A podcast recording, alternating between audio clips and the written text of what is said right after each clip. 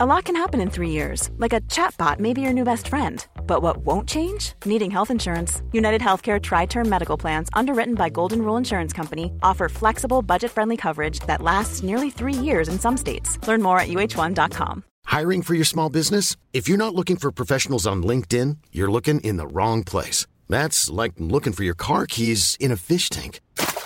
LinkedIn helps you hire professionals you can't find anywhere else, even those who aren't actively searching for a new job but might be open to the perfect role. In a given month, over 70% of LinkedIn users don't even visit other leading job sites. So start looking in the right place. With LinkedIn, you can hire professionals like a professional. Post your free job on linkedin.com slash people today.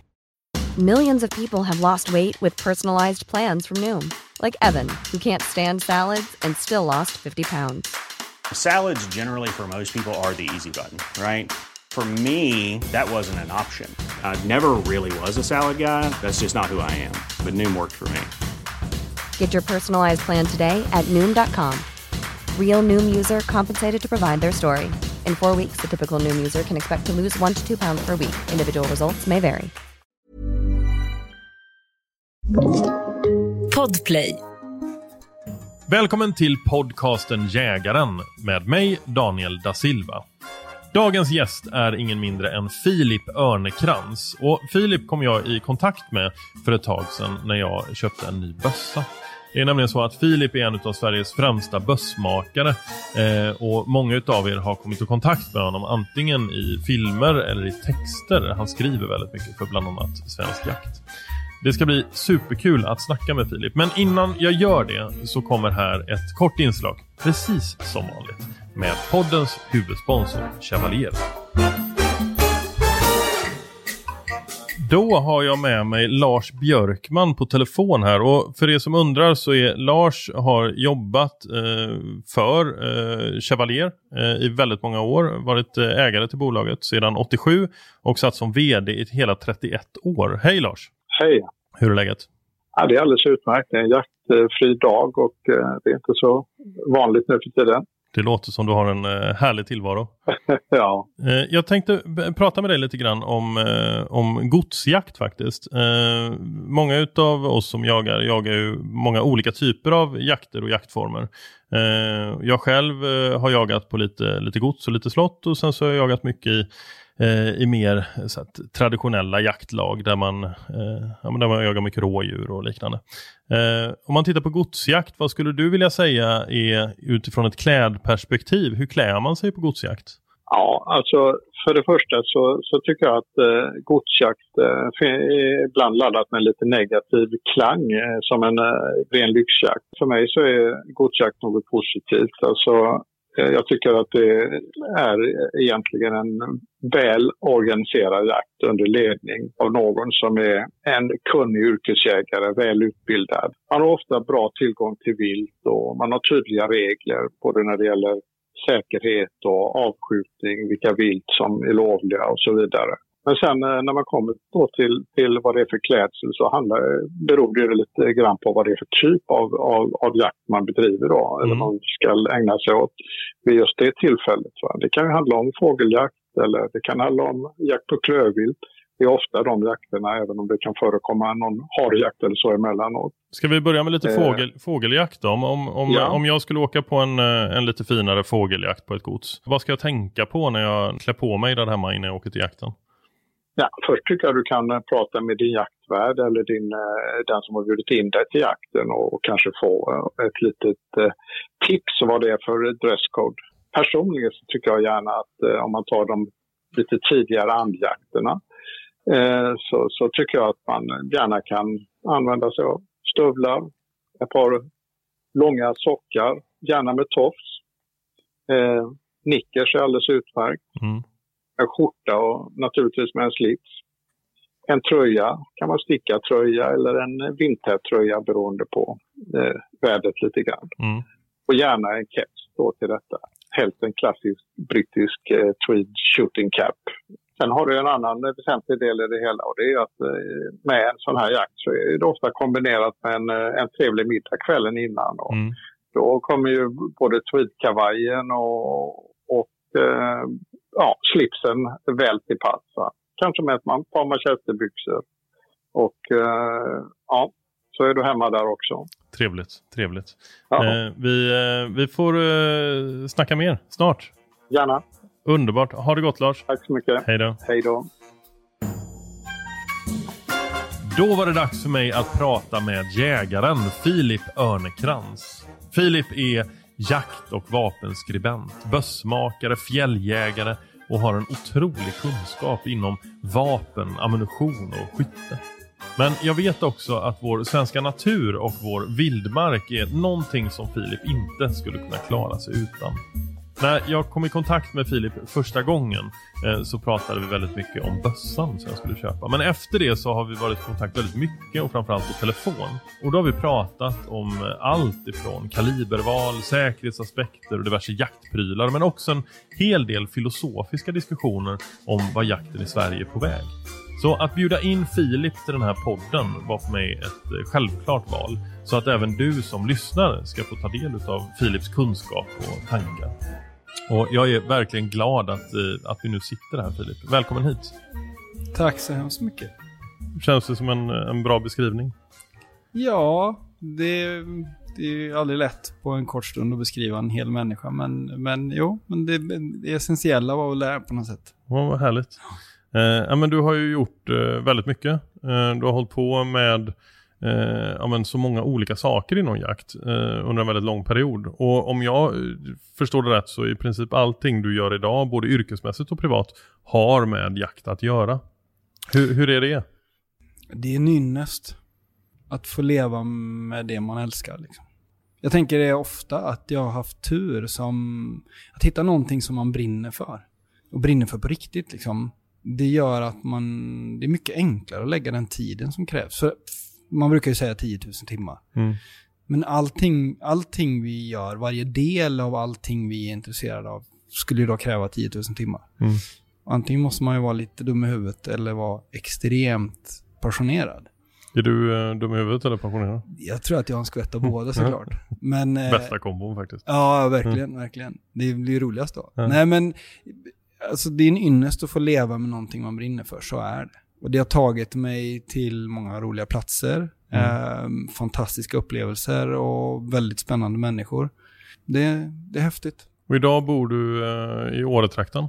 Ja, vi har precis eh, vi håller på att bygga hus eh, i Järpen, två och en halv mil från Åre. Mm. Ehm, köpt en liten gård.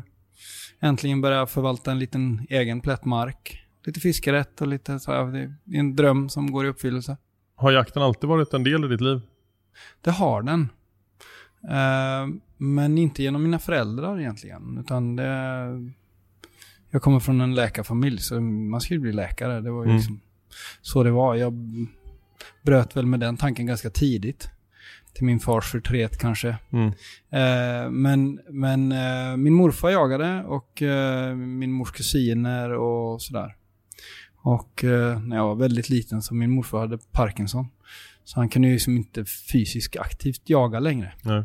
Men han var smart den där gubben. Han, han eh, vi satt i, på, på mormor och morfars ställe och, och ute i, i vid det klassiska kvarnstensbordet. Mm. Så fick mormor bära ut hagelgeväret och studsarna och så gjorde morfar rent och berättade jakthistorier. Och sen eh, likadant gjorde han med fisket. Han Mm. tog fram sina gamla splitcane-spön och sina silkeslinor och vaxade dem och, och alla flugorna, Silver Doctors och allt vad de heter. Mm. Och, och berättade historier om laxar i Mörrum och Norrlandsresor och det var stort liksom. Som lillgrabb och, och lyssna på det här. Va- Var, var i landet växte du upp? Jag är från Göteborg, Mm. men är uppvuxen mycket i Halland. Känner du dig hemma nu? Ja. Mer för varje dag som går. Vad härligt. Ja, det är underbart att bo på en plats där jag, jag har inget behov av att resa därifrån egentligen. När, när började du jaga? Själv? Jag var 13 år tror jag. Ja. Sköt en hare. Ja. Och det var lite intressant för jag hörde, jag har ju lyssnat på dina poddar tidigare. Jag Ja. hörde ju Markoolio ni pratade om skrikande harar. Det var min Ja. första jaktupplevelse med Ja, det var så? Ja. På riktigt ångestframkallande faktiskt. Ja. Den skrek extremt hjärtskärande. Och ehm, jag hade fått följa med några gubbar ut eh, i skogen. Mm. Det, här var, det är sådär klassiskt Åsa-Nisse-stuk på något sätt. Jaha. De hade alltid två kaffetermosar med sig. Jag fattar inte varför de drack så jävla mycket kaffe. Mm. Jag blev satt på ett pass. De släppte en hund, jag hörde fyra skall. Mm. Sen hörde jag inget mer den dagen. Jag satt i mina M59-brallor och Nokia-stövlar och frös som... Ja. Mm. Tills de kom och hämtade mig. Och jag tyckte att det där var helt värdelöst. Jag Mm. fattar inte hur någon kunde hålla på med, med drevjakt överhuvudtaget. Nej. Det fanns ju inga pejlar, ingen visste vart hunden var. Nej. Ingen, ingen tränade ju sin hund, de bara släppte den och så skällde det lite och sen var den borta. Liksom. Mm. Tills den dagen när jag hör hunden komma drivande. Eh, men när, när den har en kommit pass och någonstans där, där också hände någonting för att jag, jag skadsköt ju den här haren. Mm. Och eh, den låg ju där och bollskrek. Liksom. Mm. Det var superjobbigt. Och det ledde väl till att jag alltså, började träna ännu mer. Vi sköt, jag och min bästa kompis Mackan, vi sköt enorma mängder när vi var små. Vi Mm. köpte så här tio askar i en rulle liksom, Mm. ungefär som man köper en stock snus. Mm. Eh, Så köpte vi luftgörskott Okej. och det var 250 skottsaskar. Vi sköt en sån om dagen. Varje dag. Varje dag. Jämt. Ja. Och så tröttnade vi på luftgevär, då sköt vi pilbåge. Ja. Och så tröttnade vi på det, då gjorde vi mm, stenslungor. Och sen tröttnade vi på det, då var det slangbälla. Mm. Och så tröttnade vi på det, och så var det tillbaka till luftgevär. Mm. Och så höll vi på sådär. Vi sköt alltid någonting. Det var en drömtillvaro man hade då. Om jag Ja. jämför med mina kids nu, liksom. Ja. Med telefonerna, hur de äter upp deras verklighet. Liksom. Ja, verkligen. Ehm, vi var helt fria. Det, det är ju en av anledningarna till att jag gillar att ta med barnen ut. Eh, och det är inte bara på jakt utan ut i skogen så mycket som möjligt. Eh, det är att de ska få den eh, upplevelsen. Jag hade inte det jättemycket när jag var liten. Men eh, någonstans som du säger, det var likadant för mig. Det fanns inga, det fanns inga skärmar på samma sätt. Man var ute jämt. Men inte så mycket på vandring och så utan man var bara ute och gjorde grejer. Antingen spelade man innebandy eller så byggde man kojor i skogen eller, eller sådär. Men bara att få med barnen ut. Men idag behöver man nästan locka med någonting extra för att få ut dem känns som. Ja, det måste vara uppstyrt på ett annat sätt. Mm. Jag försöker verkligen liksom bara eh, se till att möjligheterna finns alltid. Mm. Men det Ja, men det här med att bara öppna är- dörren ja, och vilja så här, ja. gå ut och lek, det händer ju inte. Nej, nej och så det, är det en studsmatta eller är det någon annan, så, men då, Ja. då absolut. De, de är ju de är grymma, båda två. Fast när vi var små, liksom. det fanns ju inga som la 12 papp på att man skulle ha en studsmatta. Nej, Eh, alltså nej. man gick ju, Nej, nej, fanns det ingen studsmatta så hoppade man på ett garagetak. Liksom. Ja, Ja, precis. Men det händer ju inte idag. vi, hade, vi hade faktiskt ett eget bollhav när jag var liten i Göteborg. Jaha, var det hemma? Ja, ja.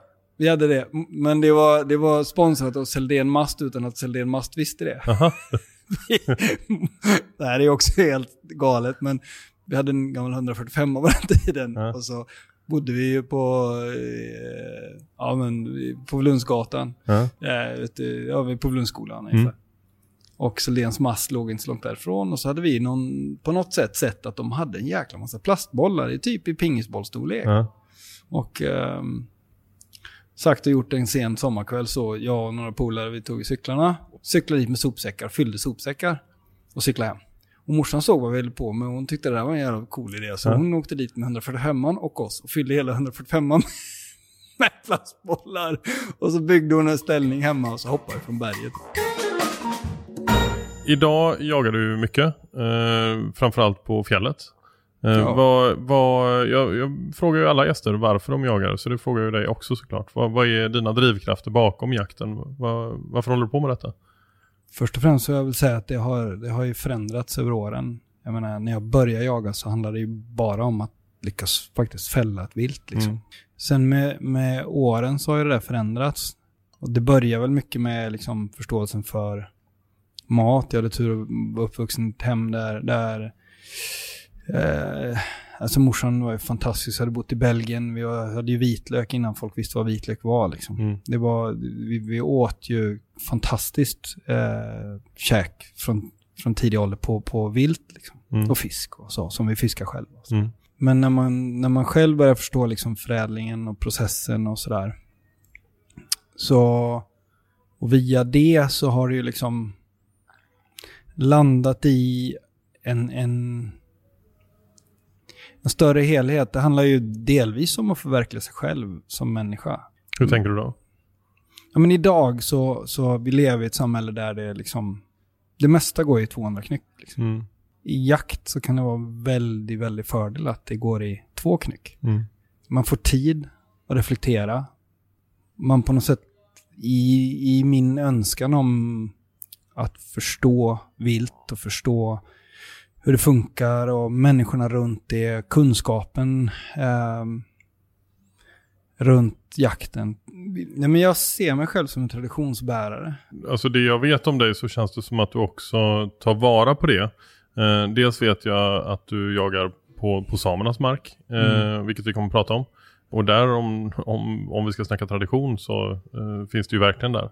Och likadant med, med ditt yrke som, som bössmakare. Mm. Så det känns ju verkligen som att du har en drivkraft kopplad till, till det traditionella. Den, den biten har liksom blivit allt viktigare just med tanke på då hur, hur livet i övrigt ser ut med Mm. företagsdrivande och eh, allt sociala medier, allt vad det här innebär, liksom vad jakten har blivit idag. Så är det ju, det, är ju intressant. Jag funderar ju ofta över varför jagar jag? Vem, vem är jag som jägare liksom? Mm. Och jag ser ju att, att det liv som jag har valt för mig själv, det här är också viktigt, liksom, det har varit medvetna beslut att välja det livet som ger mig mest självuppfyllelse på något sätt. Det Mm. kan ju låta egoistiskt då eh, på något sätt, men, men någonstans att vara så sann mot mig själv som jag kan vara. Tycker du att det är svårt? Jag själv personligen kan tycka att det är, är eh, svårt att eh, ställa om. Så när, när, jag, när jag börjar jaga, om jag, är, om jag varit väldigt stressad, om jag har mycket som är liksom lite oklart och så vidare. Jag vet om att jag, hin, jag hinner med den här jakten. Men jag kommer inte, jag har svårt att komma ner i, i lugn. Nej, Jag är, jag är nog lik dig där. Ja. Det tar några dagar för Ja. mig. Och det är ofta därför jag vill vara ute länge.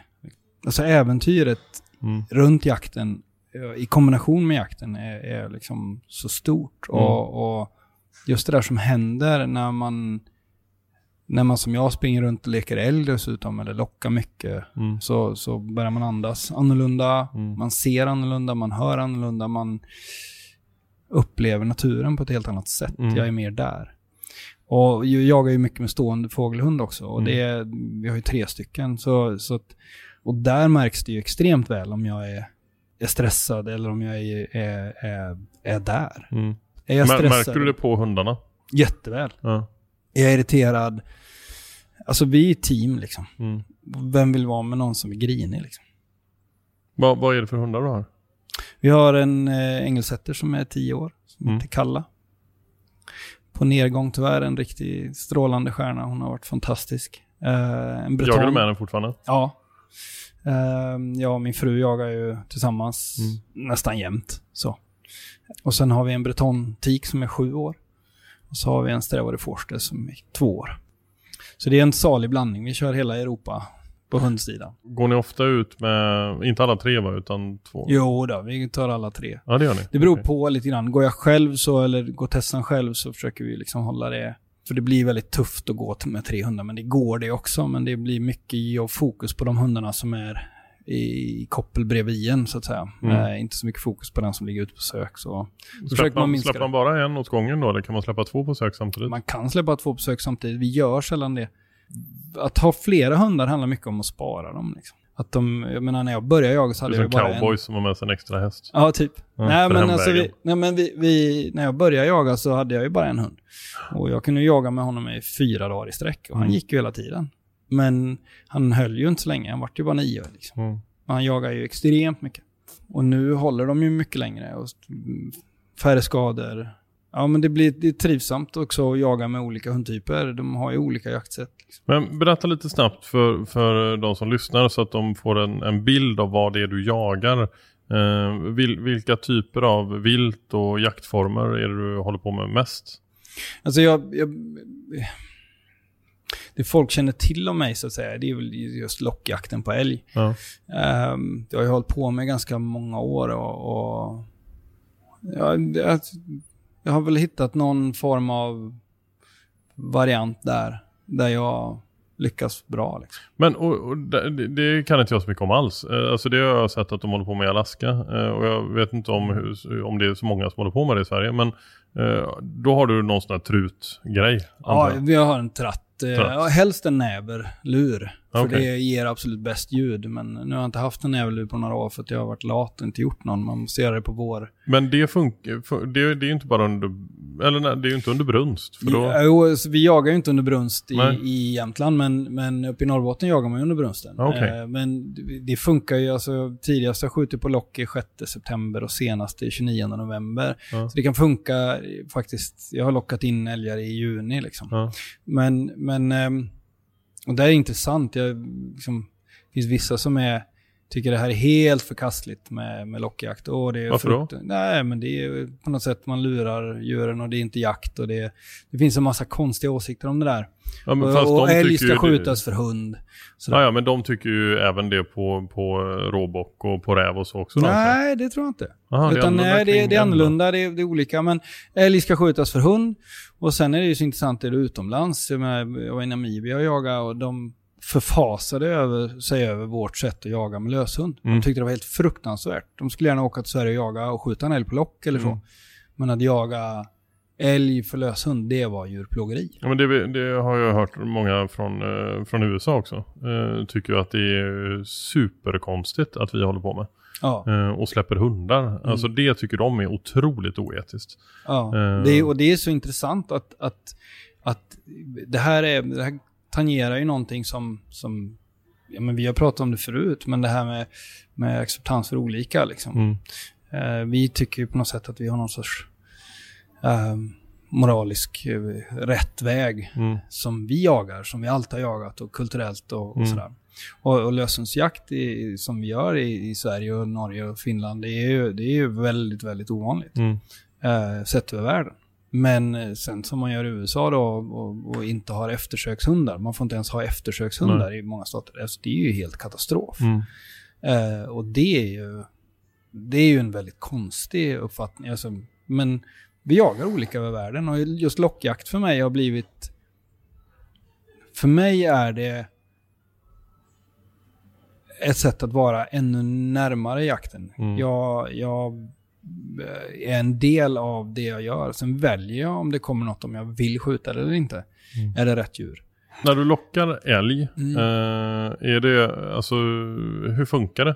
Är det alltid alltså det, tjuren som kommer? Nej, det är, det är, inte alls alltid tjuren som kommer. Men det beror lite grann på hur man lockar såklart. Men, men du låter alltid som en tjur? Nej, absolut nej. inte. Nej, jag har fem, sex, sju olika läten som jag jobbar med. Okay. Um, ehm, och jag spelar nästan alltid upp en scen i mitt eget huvud. Jag tänker mig vad, vad är det som händer på den här platsen? Mm.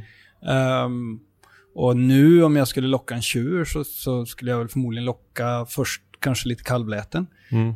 Um, och det är ju samma kontaktläte, bara lite gällare. Mm. Uh, och sen skulle jag väl svara med ett koläte. Så det är en ko och en kalv som går och nackar med varandra. Mm. Och de pratar rätt mycket liksom. Och sen... Um, um, lägga in ett brunnsläte på kon. Mm. Uh, och så kalven svarar och kon svarar. De går och pratar lite och så lägger jag något brunnsläte till. Uh, och så kanske efter en kvart, 20 minuter, en halvtimme beroende lite grann på hur det är, vad det är för förutsättningar. Så lägger jag in ett, ett, ett eller två oxläten. Uh, och sen så när han närmar sig så ökar intensiteten och så börjar dansen. Mm. Och kon och, och tjuren pratar väldigt mycket med varandra och han går ju och låter hela tiden. Mm. Um, det är liksom bara fulla lungor. Åh, åh, åh. Och sen och hon skriker och sen ofta jagar tjuren bort kalven och då blir kalven stressad och skriker. Du spelar upp hela det här scenariot ja. i huvudet och ja. låter. Mm. Och sen kan jag ha med fake horn i plywood eller en, en, en boblad eller något som är bra resonans i och så skrapar jag mot träd. Har det, har det hänt fake. att någon går förbi dig ute i vildmarken och tittar på dig och tycker att du är helt galen? Nej, däremot har det ju kommit både hundar och människor i tron om att det är en älg. För jag själv har jag övat lite grann på, på harskrik mm. hemma. Och mm. det är alltså sitta hemma i tätbebyggt område och alltså jag har gått ut i bilen någon gång Mm. eh, och då bara hoppas jag att grannen inte ska gå förbi.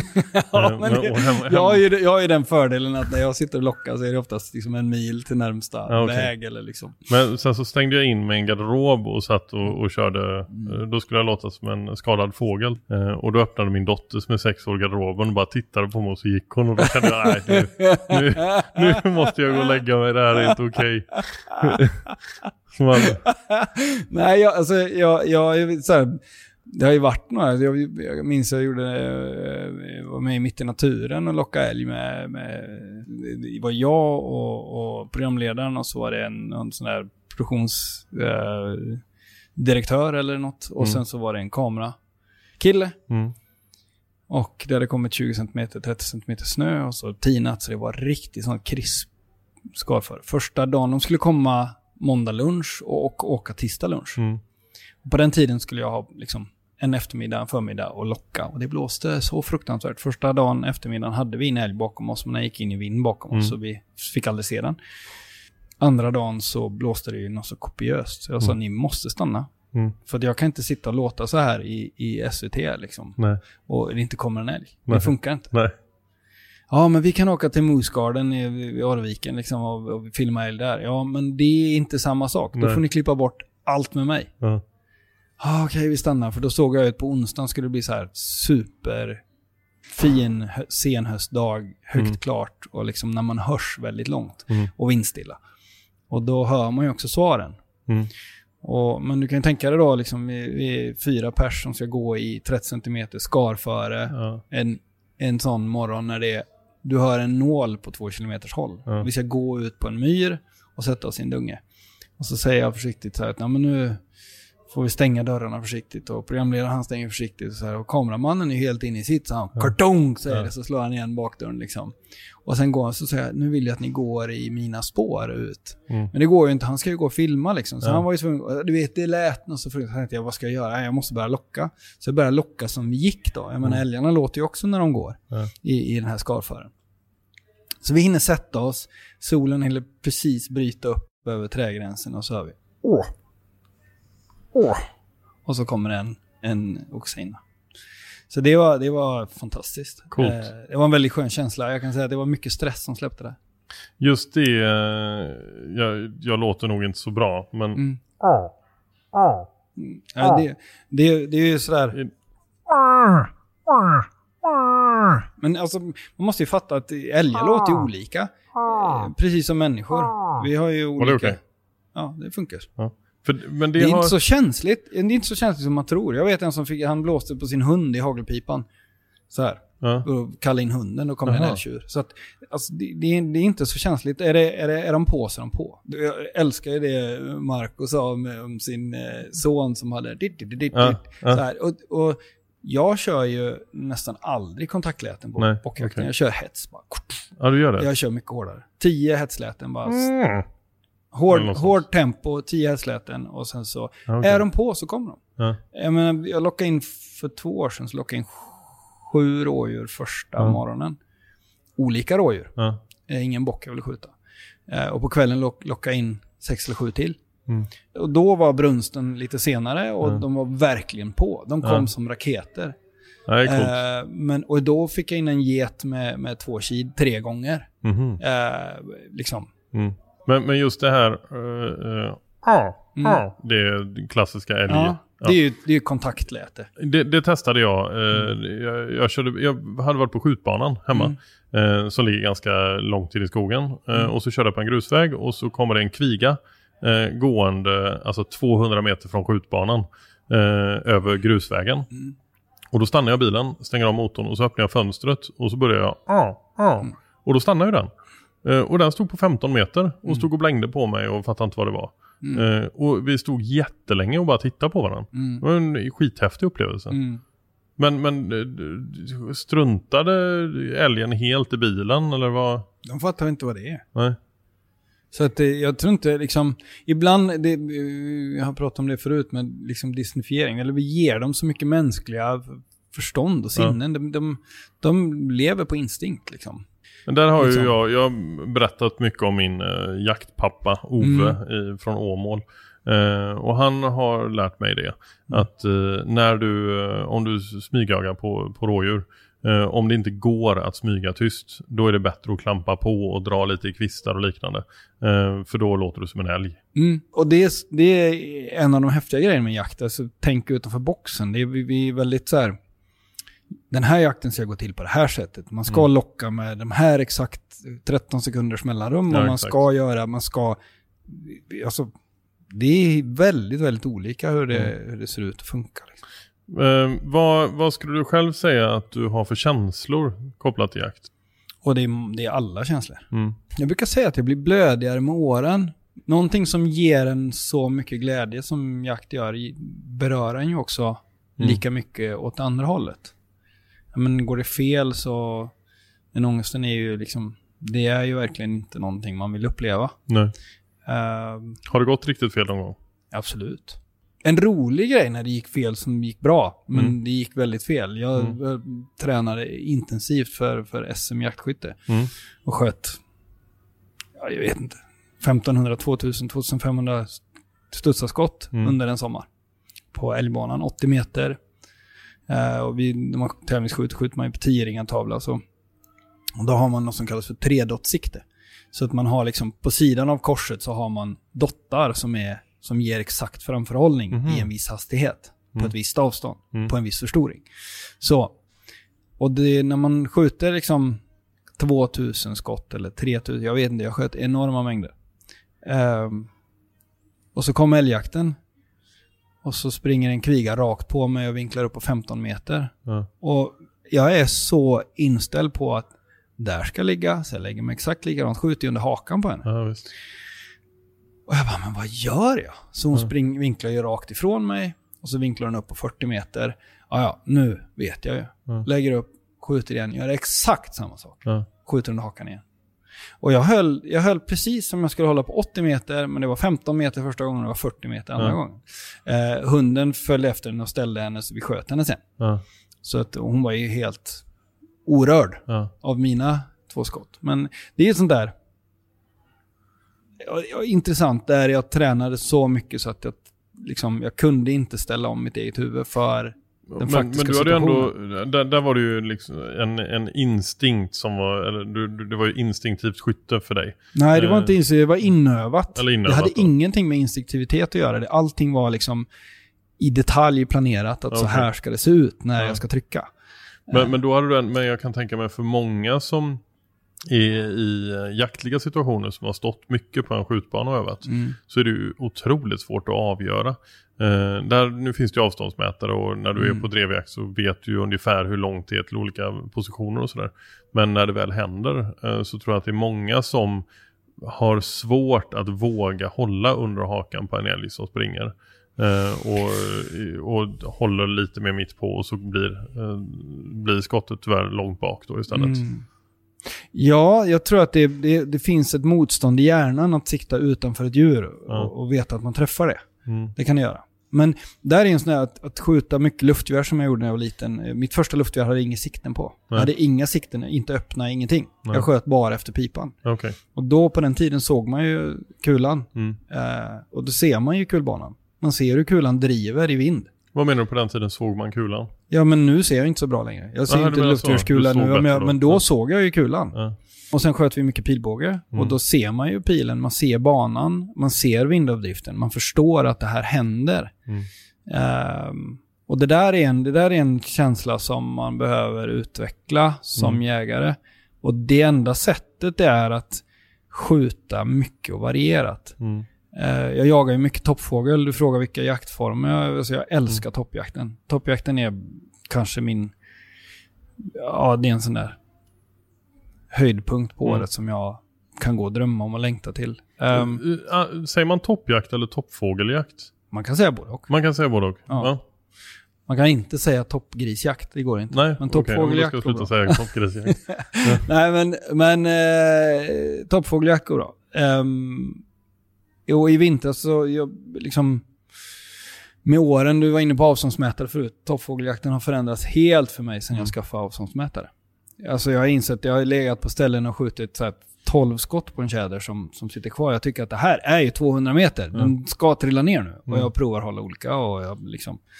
Men jag får den inte. Och sen har jag ju mätt där sen på senare år och insett att ja, men det är 340 meter. Ja. Alltså man tar så enormt fel på en öppen yta, eh, vinter, slättlandskap och så en tjäder. Ja. Och så gärna då 12 gångers förstoring så ser den ju jättestor och fin ut i kikarsiktet. Men man tar väldigt fel. Så, så toppjakten med, med avståndsmätare har ju liksom, där var en väldigt stor förändring och sen har jag ballistiskt torn på mitt kikarsikte. Mm. Så nu vet jag ju att jag skjuter mitt i på 102, 3, 400 eh, om jag skjuter in så. Mm. så.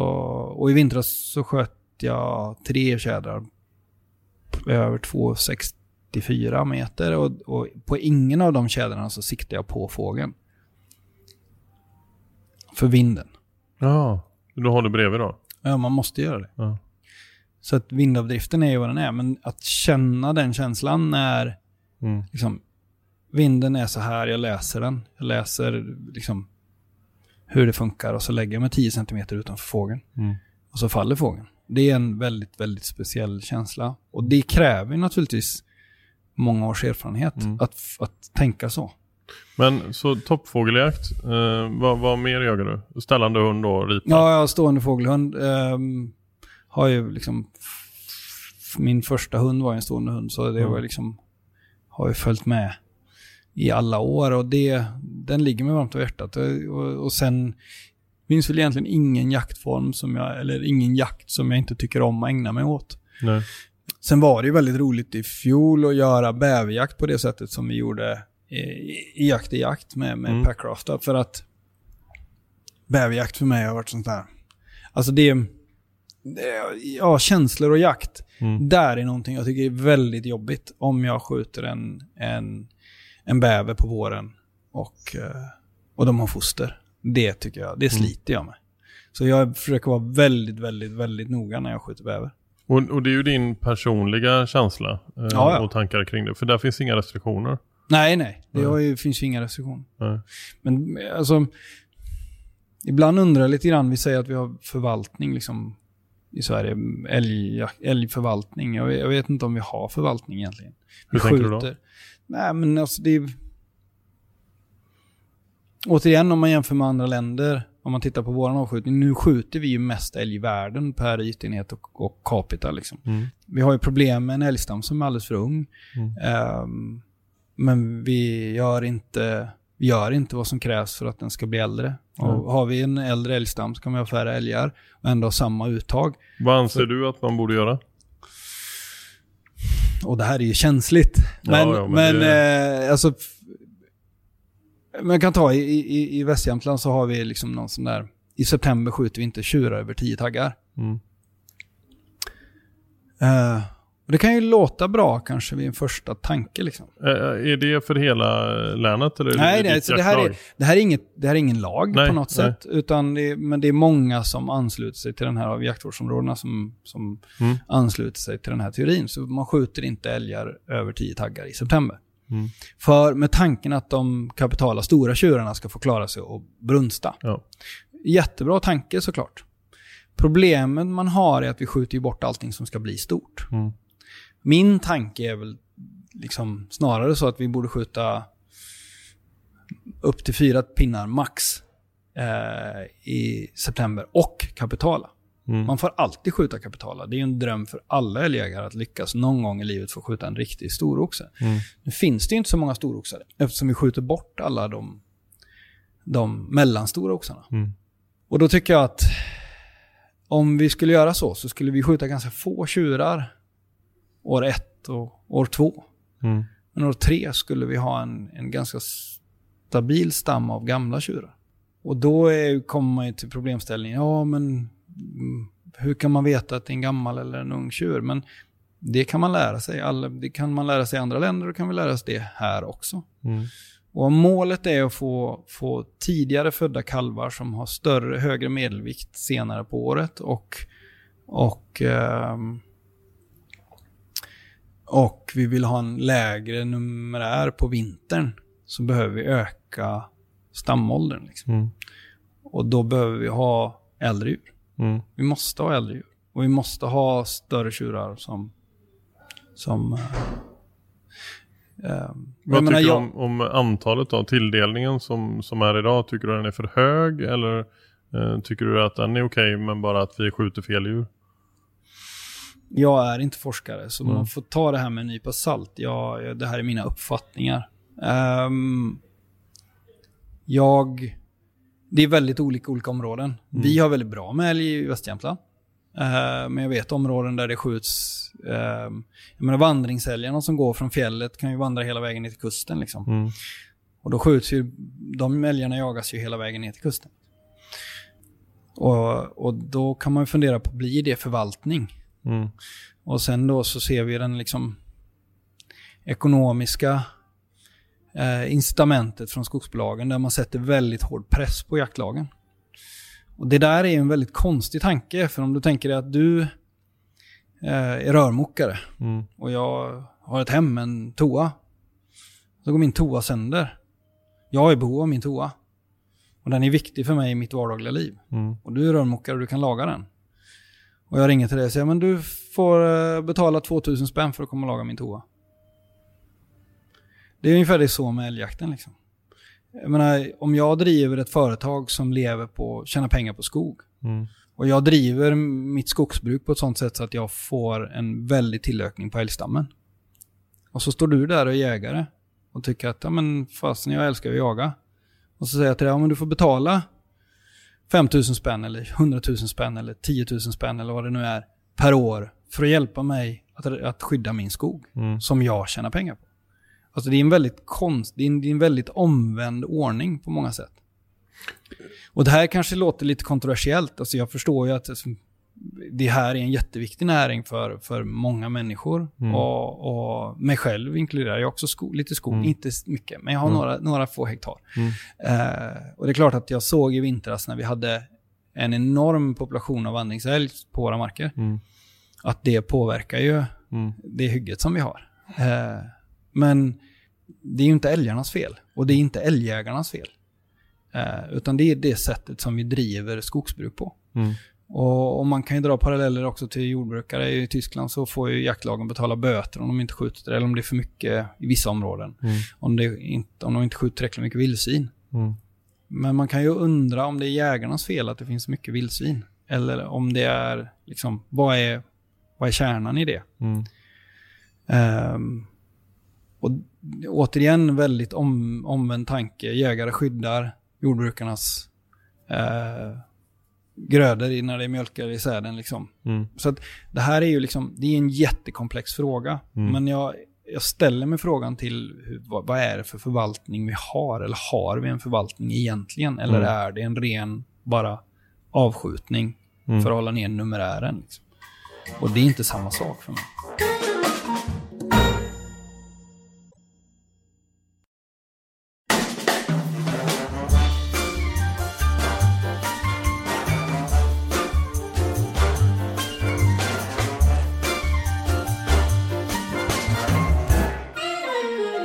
Jag, jag känner på mig att det här kommer bli eh, säsongens längsta avsnitt. eh, men jag tänker att vi låter det vara det. Eh, det får bli ett långt avsnitt. Vi får se hur länge vi orkar sitta och snacka. Du får skylla dig själv när du liksom bjuder in någon som är socialt överanpassad. Ja, men sen, sen, sen tänker jag att vi, när man lyssnar på podd så gör man ju ofta det i, i bilen till exempel. På väg till jobbet. Mm. Ja, men då kan man väl lyssna på den, just det här avsnittet både dit och hem och sen kanske dagen efter också. Ja, Vi eller- kör på tycker jag. ja, det tycker jag. Ja, eh, jag har ju inte ens kommit till liksom punkt två. Eh, jag, jag tror att hela den här diskussionen handlar om vad du brukar jaga. Vi ska självklart prata om bössmakeri. Mm. Eh, det tycker jag är superintressant. Men jag tänkte att vi ska prata lite grann mer om skytte. Mm. Väldigt ofta när jag pratar med jägare så hör man samma sak. Eh, folk säger jag borde träna mer på mitt skytte. Både hagel och kula. Och i och med att du eh, också har varit och är skytteinstruktör så vore det grymt härligt om du kunde dela med dig lite grann om dina tankar. Känns det okej? Absolut. Eh, om vi då exempelvis har en, en skytt som träffar dig som vill förbättra sitt skytte. Om vi börjar med kul, eh, kulskytte. Eh, hur går du tillväga när du, eh, när du undervisar och instruerar?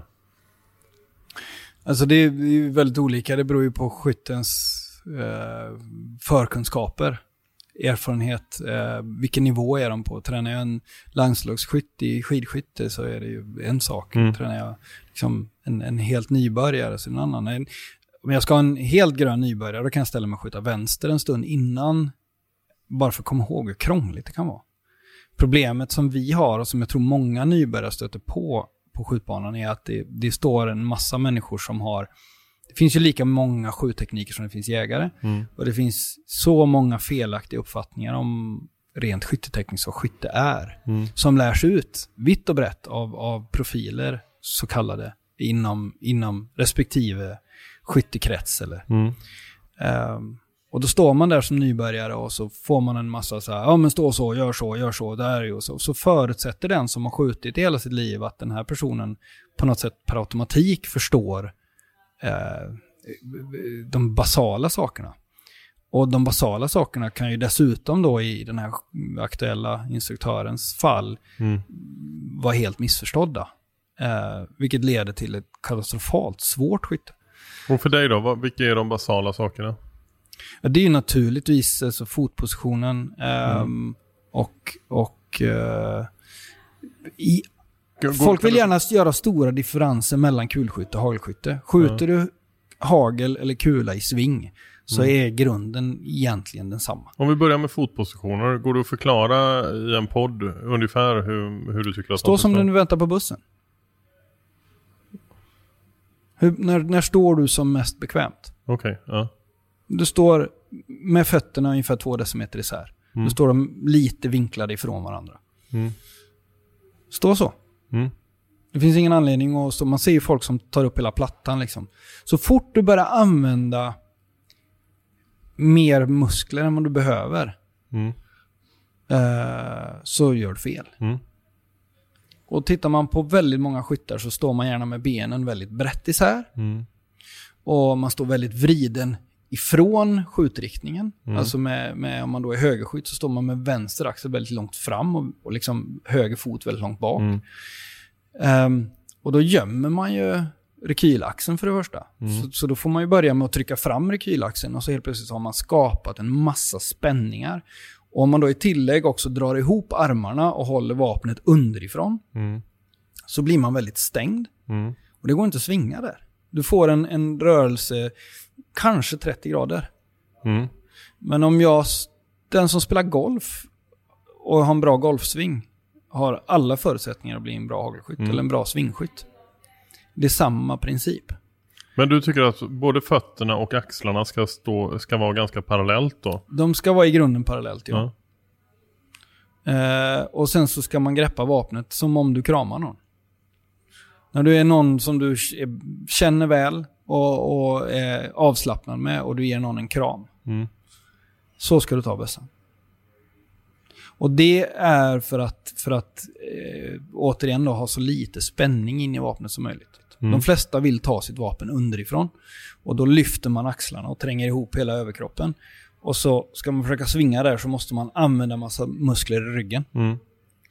Och då får man den här hackiga, om du skjuter på älgbanan så ser man ju liksom själv att oh, oh, det hackar sig fram efter älgen. Och man, och ligger man två meter framför och så är man två meter bakom och så hackar man i kapp och så, och så skjuter man som regel då, om man tar som höger, högerskytt så, så en vänstergående älg så låga skott bakom. Mm. För en högerskytt så är vänstersvingen svårast. Mm. När du svingar på älgbanan, Ja, vad är det ultimata? Är det att komma bakifrån och sen när man går igenom mitten att där släppa skott?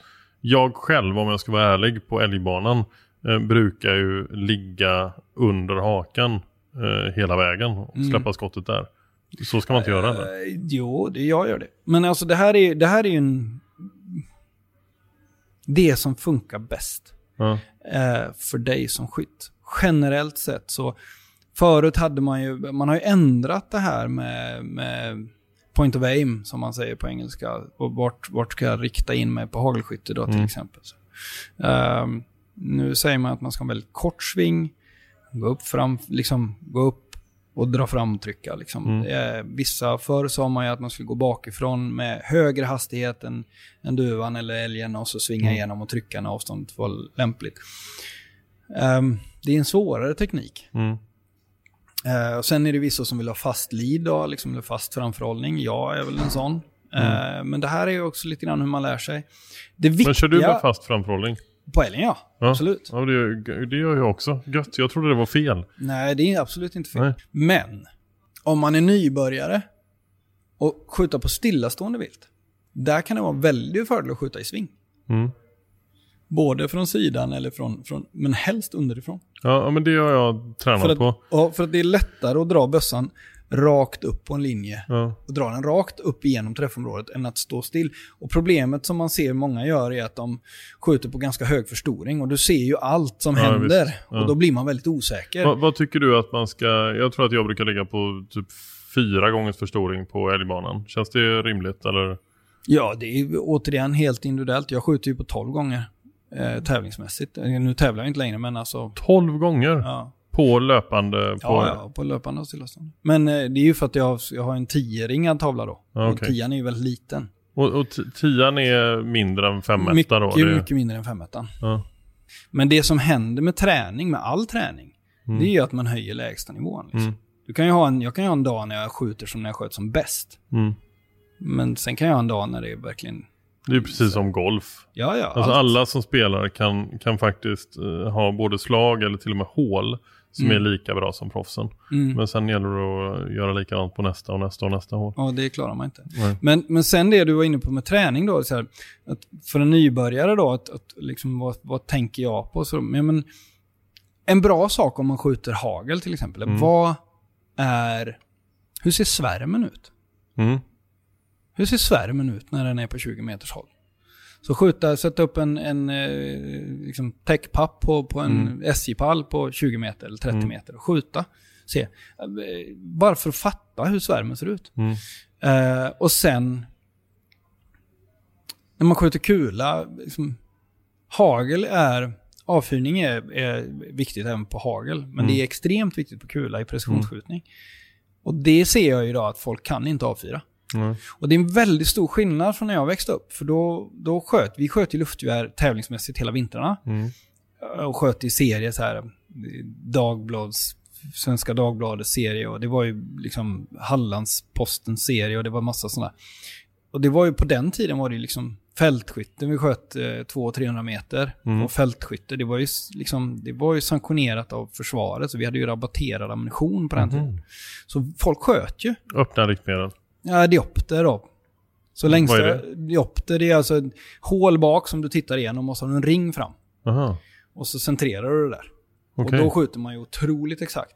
Ja. Inte speciellt bra jaktmässigt så, Nej. eh, med dioptersikte. Det finns ju, det finns ju hålsikten, hollow- eller um, ghost rings och sånt som du kan använda för öppna riktmedel. Ja.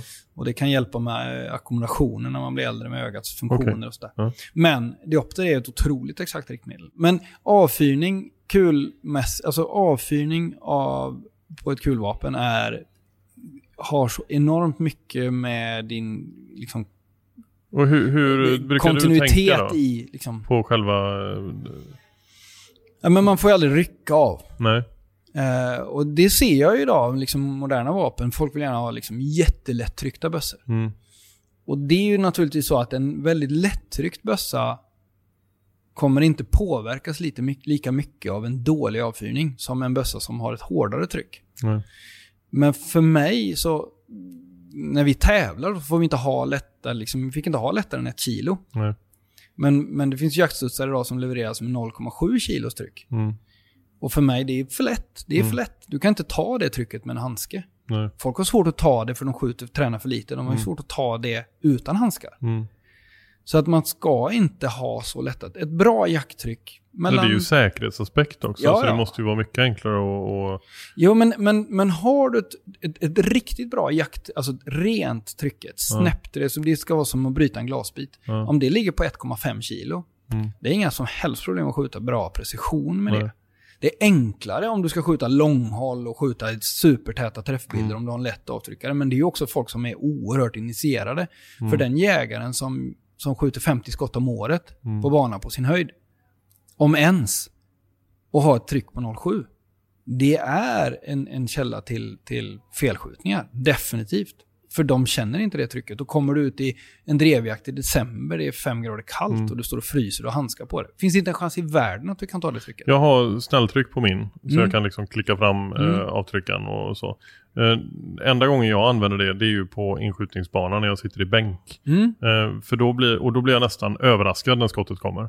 För att det går så snabbt. Mm. Eh, och, för då känns det som att jag inte påverkar vapnet överhuvudtaget. Nej, men så är det.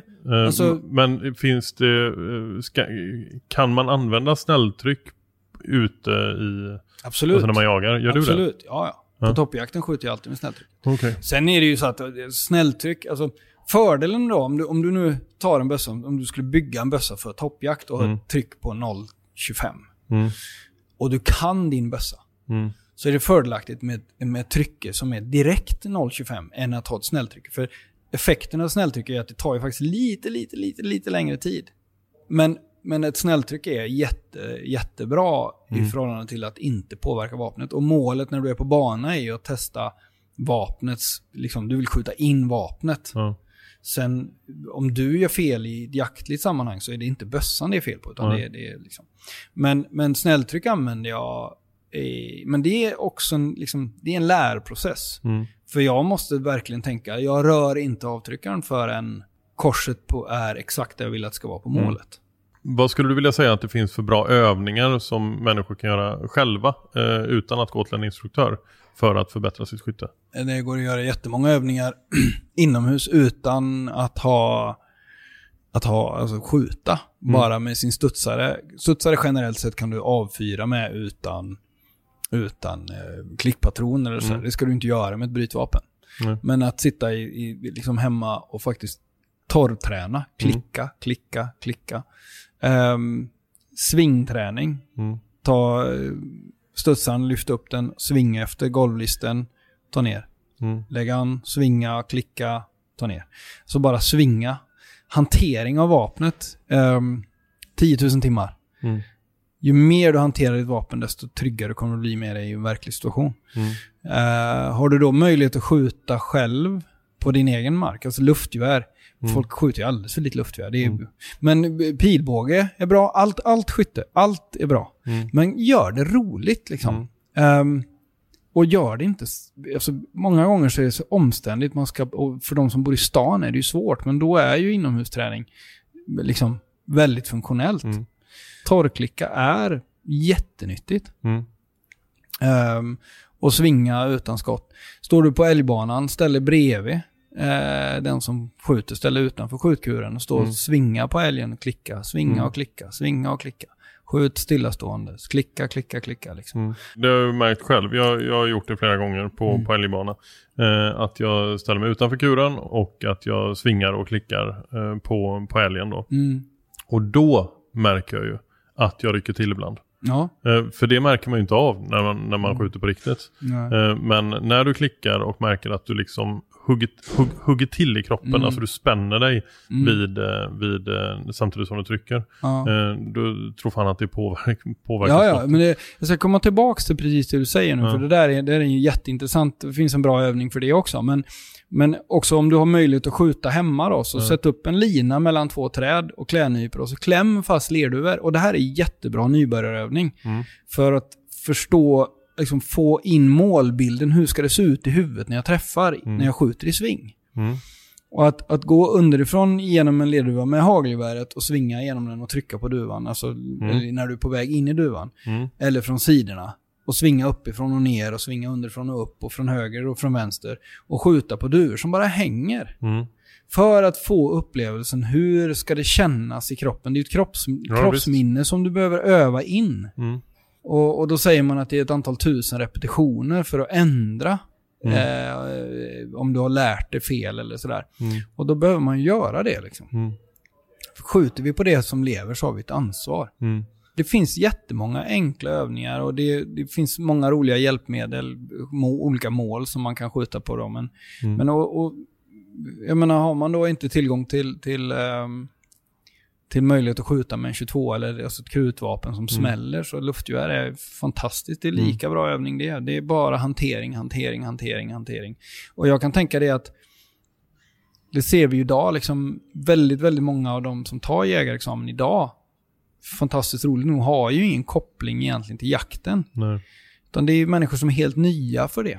Och för mig som växte upp med, liksom, jag sov med mina luftgevär i sängen när jag var Mm. liten. Liksom. Det var ju så stort för mig och mina, Mm. mina vapen och mina, liksom, alla de här grejerna var ju, var ju så viktigt för mig från väldigt liten ålder. Mm. Jag är en riktig cowboykille liksom. Ja. Så jag har ju hanterat vapen så enormt mycket. Mm. Så det blir ju liksom en, en, en naturlig förlängning av kroppen och det spelar inte så stor roll vilket vapen jag tar i. Det mesta går att skjuta med. Ja. Men det tar tid Mm. att, att få in den där känslan i kroppen. Liksom. Mm. Ehm, och jag tänkte på, men det du sa att det rycker till. När jag tränar folk så, så kan jag ju liksom ladda åt folk. Och helt Mm. plötsligt får de en tom bössa. Och många Mm. står ju nästan på näsan. Ja. Och det där är rekylrädsla. Ja. Man motverkar rekylen. Lär man sig rätt skjutteknik så gör inte rekylen ont. Den är Nej. inte jobbig att hantera. Bössan rullar. Du rullar upp bössan med axeln. Använder kraften från rekylen för att göra din repetering. Mm. Om du skjuter studsare. Men så fort du försöker motverka, då är det igen det här. Du sätter in en massa spänningar i kroppen Mm. och, och liksom du agerar utifrån det här otäcka Mm. eh, som ska hända. Och skicka gärna signalen en millisekund för tidigt. Mm. Så kommer du att ha tryckt bössan neråt innan Exakt. skottet går. Ja. Så på något sätt så handlar det om att vara ett, en, en, du är en lavett för bössan. Liksom. Mm. Du ska hålla den och rikta den och trycka av. Mm. Känner man sig osäker med det här, alltså med, ta en lektion om någon som, som kan. Mm. Men lita inte nödvändigtvis på, på den som, som, som låter högst på skjutbanan.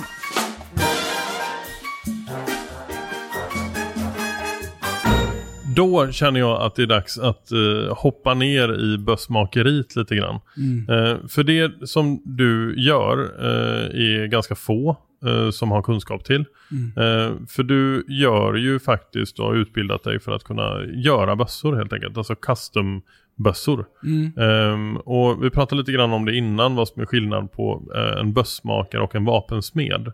Eh, Ja, det är lite hårklyverier, men Okej. en vapensmed, det är metall. ja. En bössmakare gör ju både trä och metall. Så som du får I ett, min värld i alla fall. om du får ett uppdrag som bössmakare att, Mm. att tillverka en bössa, i- då gör du allt? Nej, det gör jag inte. Nej? Men jag kan, jag kan ju göra allt, mer eller mindre. Ja. Men, men det är ju så att tillverka en, en låda till en studsare eh, skulle ta mig några hundra timmar kanske, med Mm. de, den maskinella utrustning jag har. Mm.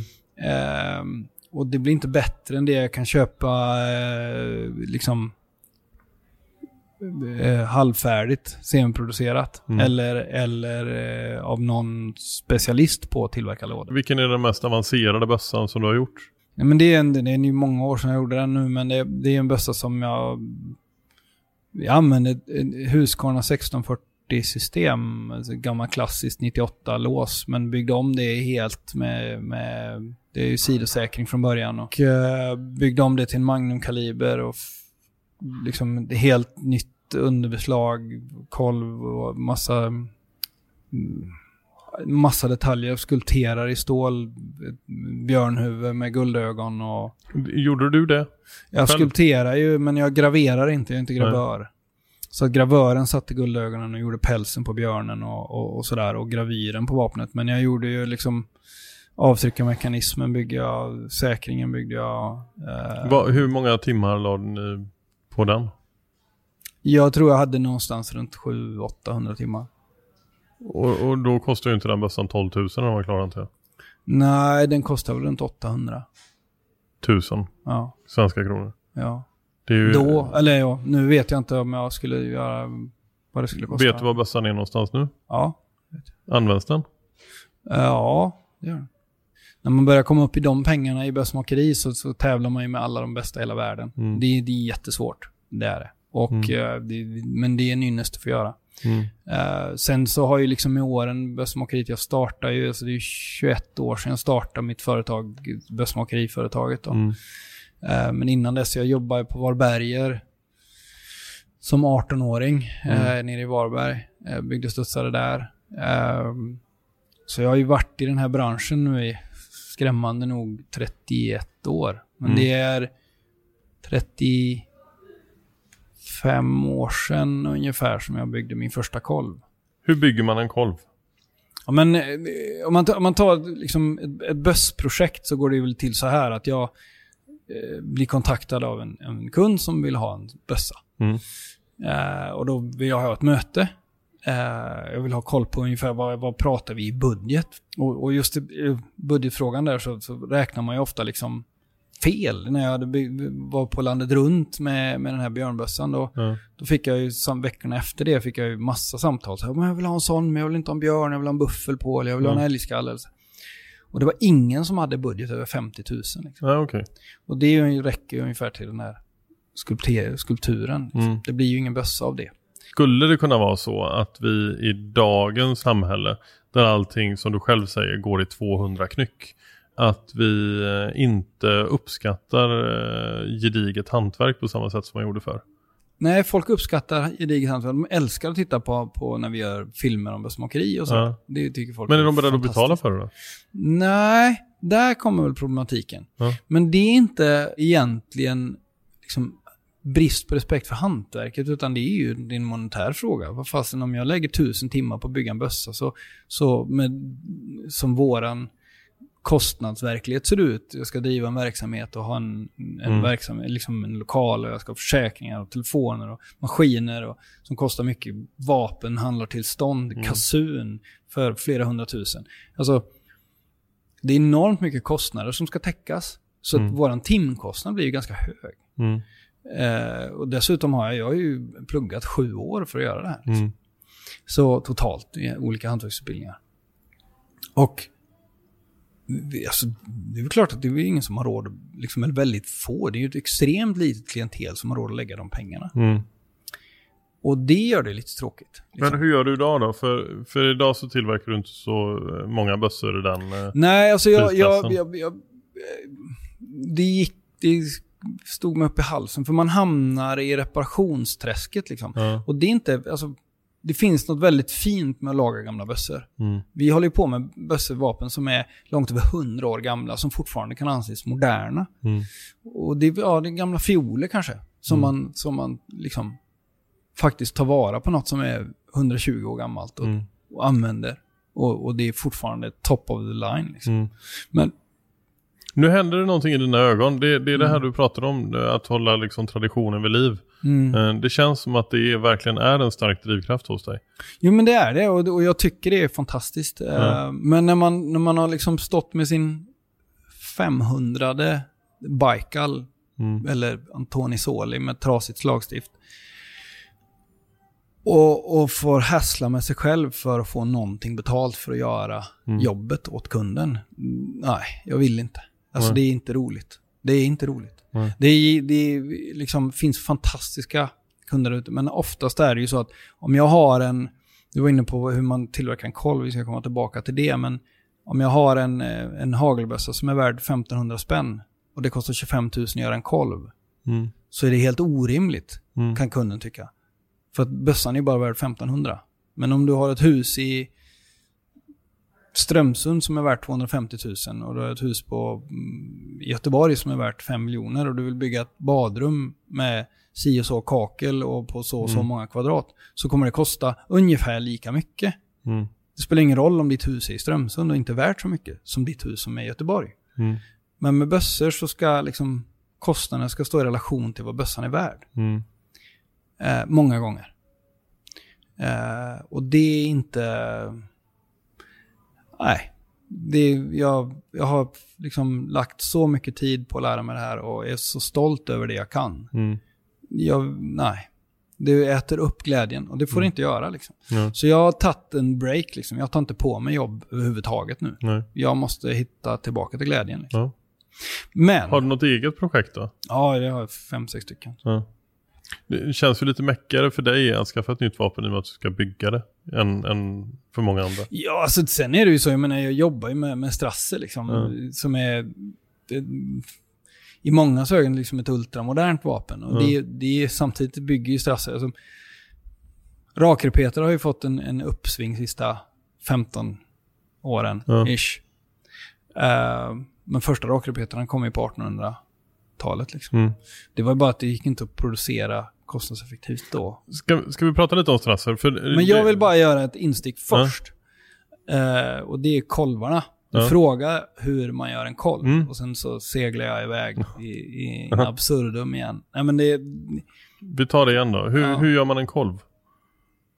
ja, men det börjar ju med att jag, jag har en kund som, som behöver en ny kolv. Mm. Eh, eller ett bössprojekt. Eh, och det jag gör är att ta ett möte med kunden och så mäter jag upp Mm. vad, vilka mått ska du ha på din kolv? Är det en hagelbössa så har jag en trigun för det. Ta fram skränkning, längd, höjd, eh, liksom cast-off eller vad, vad du nu behöver eh, för mått. Och sen så är det en studsare så vill jag gärna veta vad du ska ha för kikarsikte på. Mm. För det styr ögonavståndet på kikarsiktet, har, påverkar hur jag ska montera kikarsiktet på, på bössan och hur lång kolven kanske måste vara för att det Mm. ska funka för dig. Så tar jag fram måtten eh, och sen så väljer vi träbit. Eh, sen om det är ett fint, liksom ett större projekt, då ritar jag upp hela bössan Mm. i, för hand i skala 1 till 1. Så du kan vara med och se vad jag tänker mig att det här ska bli färdigt. Mm. Ehm, och sen så kan du vara med och påverka detaljer som nätskärning och, och sånt där. Måtten så att säga är vad de är. Och, och, och sen så, men om du vill ha mm, på en hagelkolv Prince of Wales grepp eller om du vill ha engelsk kolv eller traditionellt pistolgrepp eller mer tävlingsbaserat grepp eller så. Och sen så ehm, när det är klart så, så jag har träbiten så brukar jag ställa, om det är en riktigt fin träbit, då ställer jag den på en bänk i verkstaden eller någonstans. Och så Mm. går jag förbi den varje dag. Medan jag jobbar med annat, så att säga. Mm. Så tittar jag på den. Så. Och man ser, de har ett liv liksom. Kolorationen, alltså färgsättningen i kolven, variationerna, ehm, livet i träbiten så att säga. Mm. Och när jag ser exakt vart kolven ska vara för att ta igen kanske vissa linjer som, Ja. som jag ser att jag kan få knyter ihop alltihopa liksom. Så ritar jag ut kolven på ämnet och sen så, så sågar jag ut det i bandsåg. Och så fräser jag ut det jag kan, om det är en studsare.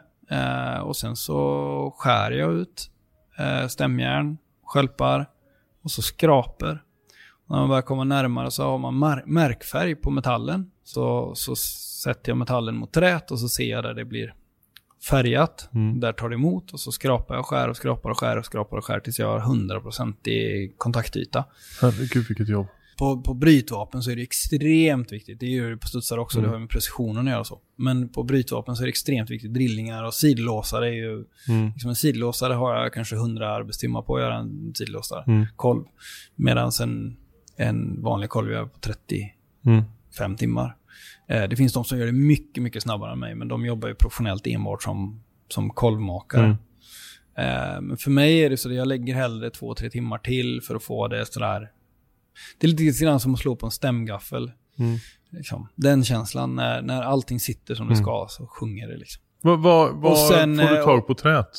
Oftast är det turkisk valnöt, men Mm. Bulgarien, iransk valnöt. Mm. Eh, Nej, otroligt intressant. Eh, Men sen gör jag ju liksom, sågar jag då som sagt ut, grovsågar ut kolvformen och sen så skär jag ut kolvformen med kindstöd och pistolgrepp och alltihopa. mm. Eh, putsar det, eh, vattnar trät mellan putsningarna. Vissa kör T-röd och lägger på T-röd för då reser man fibrerna Mm. och så bränner man kolven sen. Jag Mm. använder inte T-röd, men visst, många använder T-röd. Jag Mm. vattnar. Och sen så torkar jag det och så reser det och sen så putsar jag av det igen och så gör jag det mellan varje Mm.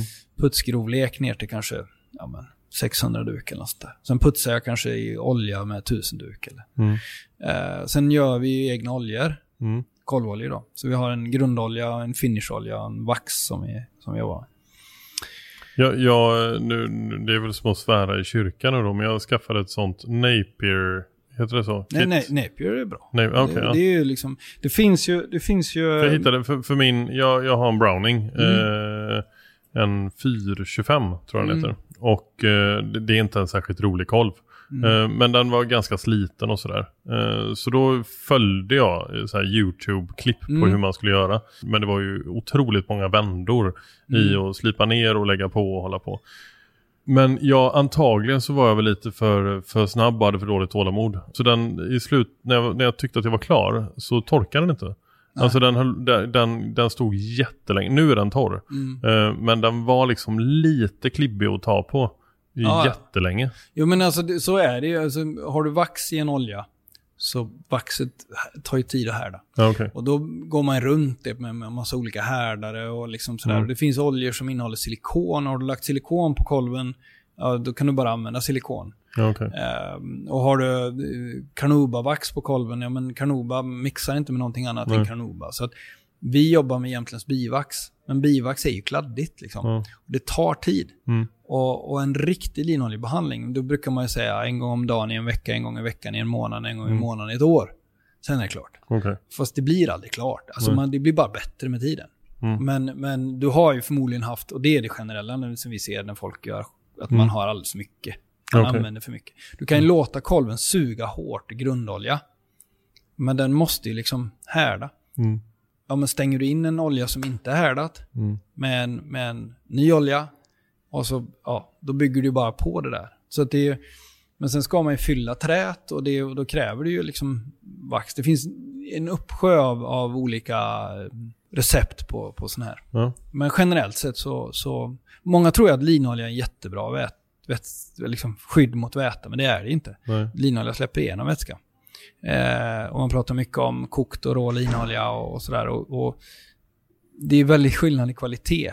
Precis som en fin olivolja eller ett fint vin. Mm. En, en högkvalitativ linolja är ren. Mm. Den är klar. Men de flesta kokta oljor vi köper i Sverige är bruna. Mm. Det är för att de är skitiga. Mm. Så en riktigt fin linolja som är raffinerad liksom ordentligt. Mm. Den är dessutom kokt i mycket högre temperatur. Det Mm. har ju med molekylkedjorna i oljorna att göra. Okej. Så en rå linolja har väldigt små molekyler. Mm. Därför tränger den in bättre i, i trätt. Mm. Men då säger man att rå linolja tar väldigt lång tid att härda. Men vi har gjort tester med det där i syre och det, det skiljer väldigt lite Mm. om de har tillgång till syre. Mhm. Men om du då kokt linolja, om man kokar den i för låg temperatur, då blir molekylkedjorna väldigt mycket större än på rå linolja. Eh, men om du kokar oljan i mycket högre temperatur, då luktar det som Mm. men, och, men då blir då, då förminskas molekylkedjorna. De är fortfarande större än den råa linoljans. Men de är mycket mindre än en dåligt kokt linolja. Och i kombination då med renhet och sådär. Så, så, och sen så blandar man den med rätt, rätt Mm. mängd av, av eh, kanske då vax eller, eller någon form av terpentin eller sådär då. Alltså det- när du, när du pratar nu så är det ju rätt förståeligt att inte så många eh, klarar av det själva hemma. Alltså Nej, fast det, det, går bra med vanlig linolja. Det Ja. går bra med vanlig linolja. Ja. Men, men när man gör det här professionellt så, så blir man ju... Ja, Du sa i början av podden att eh, man antingen är lite dum i huvudet eller väldigt passionerad. Mm. Jag tror att vi kan vara ganska säkra på att du är passionerad. Jag har väl tvivlat om det bara är passion faktiskt. Men, men, eh, nej men jag... Det var väl därför det blev... Jag hade ju tur. Jag träffade ju en, en snubbe som heter Dona när jag var 12. Mm. Han han eh, gjorde nyckelharpor och fioler och eh, kolvar. Mm. Och jag såg honom eh, flytta från Göteborg ner till Veddige. Liksom, eh, hade inte så mycket kompisar och såg cykla förbi hans verkstad en dag i skolan. Och sen Mm. stod jag där och tittade. Ett halvår senare så knackade han på rutan och tyckte att de kom in liksom. Sen hängde jag ju där mycket efter skolan. Mm. Och eh, han tog med mig på sin flakmoppe eh, ut på skogen. Och, och, eh, alltså, han betydde väldigt mycket för mig. Mm. Och någonstans där och då, liksom 12-13 år gammal, så bestämde jag mig för att ja, men jag det är bästmakare. Liksom. Och sen så, så har liksom, det har legat där hela tiden. Mm. Efter att ha testat väldigt mycket olika typer av hantverk så är bössmakeri det som är mest komplext och innehåller mest olika tekniker och material som jag har kunnat hitta. Eh, och då det i kombination med min passion för jakten. Mm. Eh, det är ganska para- paradoxalt att man gör vackra föremål som ska döda något. Liksom. Mm. Men, men det, det, det, det bor en känsla i, i det. Mm. Alltså det där att ta hand om det gamla och, och utveckla det, föra det vidare, traditionsbärare. det ligger mig varmt om hjärtat. Samtidigt som jag älskar innovation. Och det är därför jag liksom jobbar med strasser idag. Jag eh, har ju själv en strasser. Mm. Eh, RS14 Evolution. Ja, Eh, som jag eh, köpte av dig och det var ju så vi kom i kontakt med varandra. ja, Eh, och sen har du bara gett den mest otroliga servicen någonsin. Så du har ringt och kollat läget och jag har ringt och haft massa frågor och liknande. Ehm, vad, vad, vad säger du själv om, om Strasser? Vad, vad är det för typ av, eh, av vapentillverkare? ja det, är, det är en familj. Mm. eh, med otroligt stor stolthet över det de gör. De, deras huvudsakliga produktion är egentligen, de jobbar ju med, de tillverkar verktyg till mm, industri. Eh, mm, för mycket för eh, Johnson Johnson, eh, alltså sanitetsgrejer. och Så. Men, de, men deras, liksom, deras riktiga fjäder i hatten är att de jobbar väldigt mycket med rymdforsknings, europeiska rymdforskningsprogrammet för Ariane, eller Ar Ariadne eller något sånt här heter det. Jag är lite dålig på det. Men, så de tillverkar eh, alltså, delar till raketer för rymdforskningen med extrem eh, precision och är kända för det. Men sen samtidigt så har de ju tillverkat och varit underleverantörer till en massa, massa olika eh, vapenföretag runt om i Europa under många, många år. Och det är väl tredje generationen nu med Mattias. Mattias har ju gått på Ferlars, som är klassiska bössmakarskolan i Österrike. Så. Ja. Ehm, och eh, jag tror att hans pappa också har gjort det. Mm. De har ju en fantastisk alltså, mekanisk teknisk utbildning där. Mm. Inte bara vapen. Eh, men Mattias pappa Herbert var god vän med Horst Blaser. Mm. Och när Horst Blaser sålde Blaser så fick han ju något sånt där, ja du får inte tillverka eller jobba med vapen på x antal år. Mm. Något föreläggande liksom, eller i avtalet. Och han kunde väl inte hålla sig från det så han konstruerade Strassern. Mm. Och vände sig då till, till eh, Herbert Strasser och frågade om inte de kunde tillverka den under Strasser-namnet då. Mm.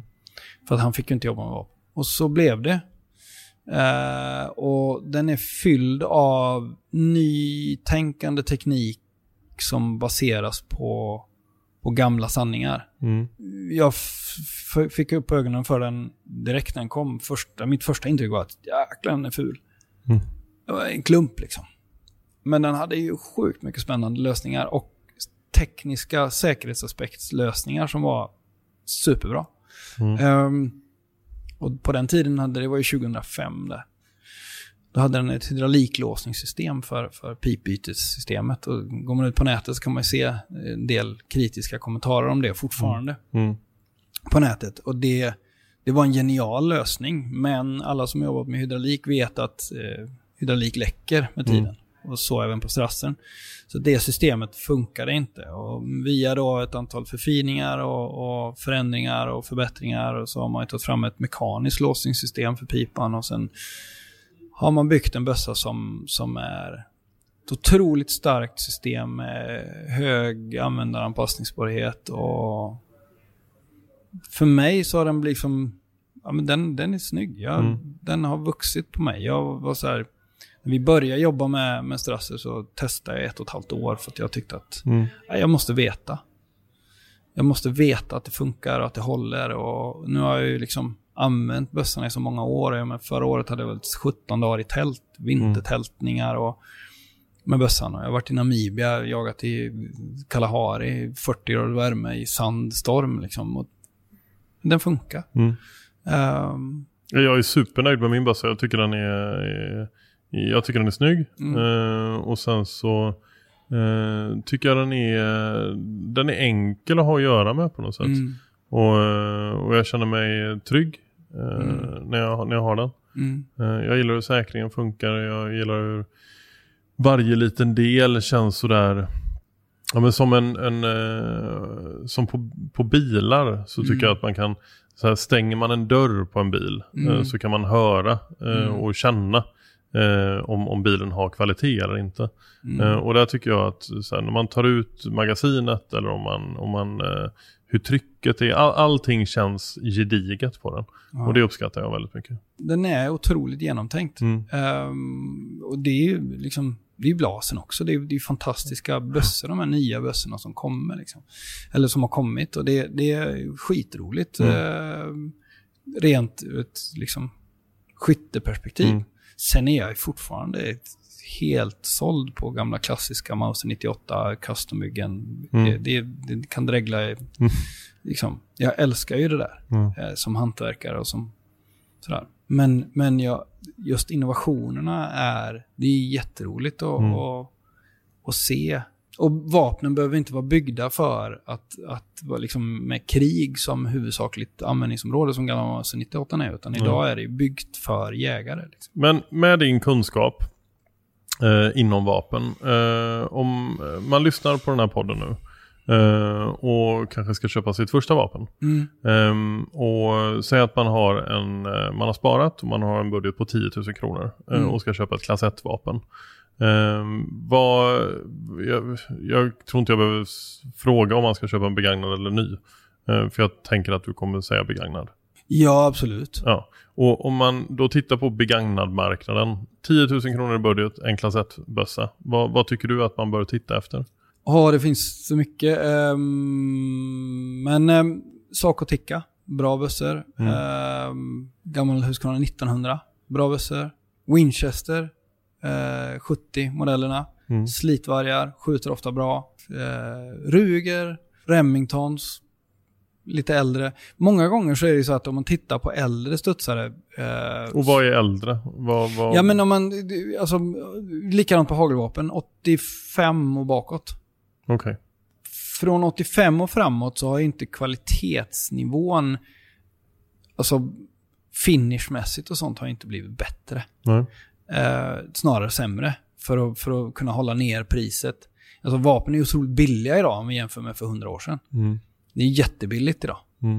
Eh, men tittar man på en, en ehm, eh, vi tar hagelvapen, en, en berätta från för 85, en gammal en 686, 687 i, i, i bra skick. Ja. Ja. Då på den tiden var det ju så att då kunde du liksom, om du tog 10 stycken berätta 687 och la dem bredvid varandra och så provar att flytta piporna så passar det kanske en pipa på 10. Mm. Lite så.